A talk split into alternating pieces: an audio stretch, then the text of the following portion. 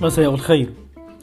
تقول إحدى السيدات بعد 35 عاما من الزواج اكتشفت أن الرجل هو الذي يضحي بجميع الأشياء التي بين يديه ليعطيها لزوجته أو أبنائه أو لأمه أو لأخته أو أباه أو حفيده وهو الذي يضحي بشبابه وصحته من أجل زوجته وأولاده من خلال عمله بشكل متواصل وأحيانا لأوقات متأخرة دون أي تذمر أو شكوى وهو الذي يحاول بناء حياة عائلته أو مستقبل أولاده.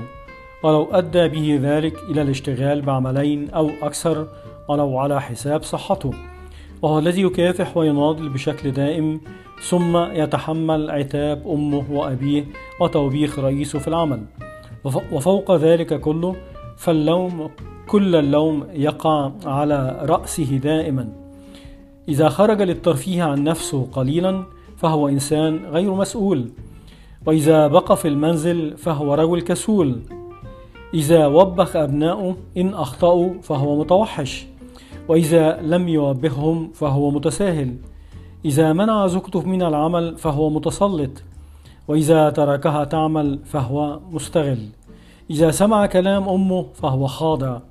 وإذا سمع كلام زوجته فهو خانع. ورغم ذلك فالأب هو الإنسان الوحيد في العالم الذي يتمنى أولاده أفضل منه في كل شيء.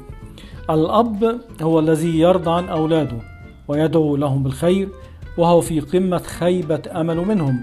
والأب هو الذي يتحمل أبناء صغارا إذا داسوا على قدميه ويتحملهم كبارا إذا داسوا على قلبه. والأب هو الذي يعطي أولاده أفضل ما يملك بل كل ما يملك إن لم يستطع أن يقدم لهم أفضل ما في العالم.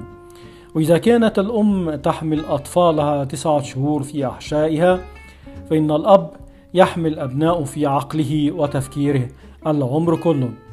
وتنهي هذه المرأة الشجاعة اعترافها بالقول احترموا كل رجل أو أب في حياتكم فأنتم لن تقدروا ولن تعلموا أبدا كم التضحيات التي يبذلها من أجلكم.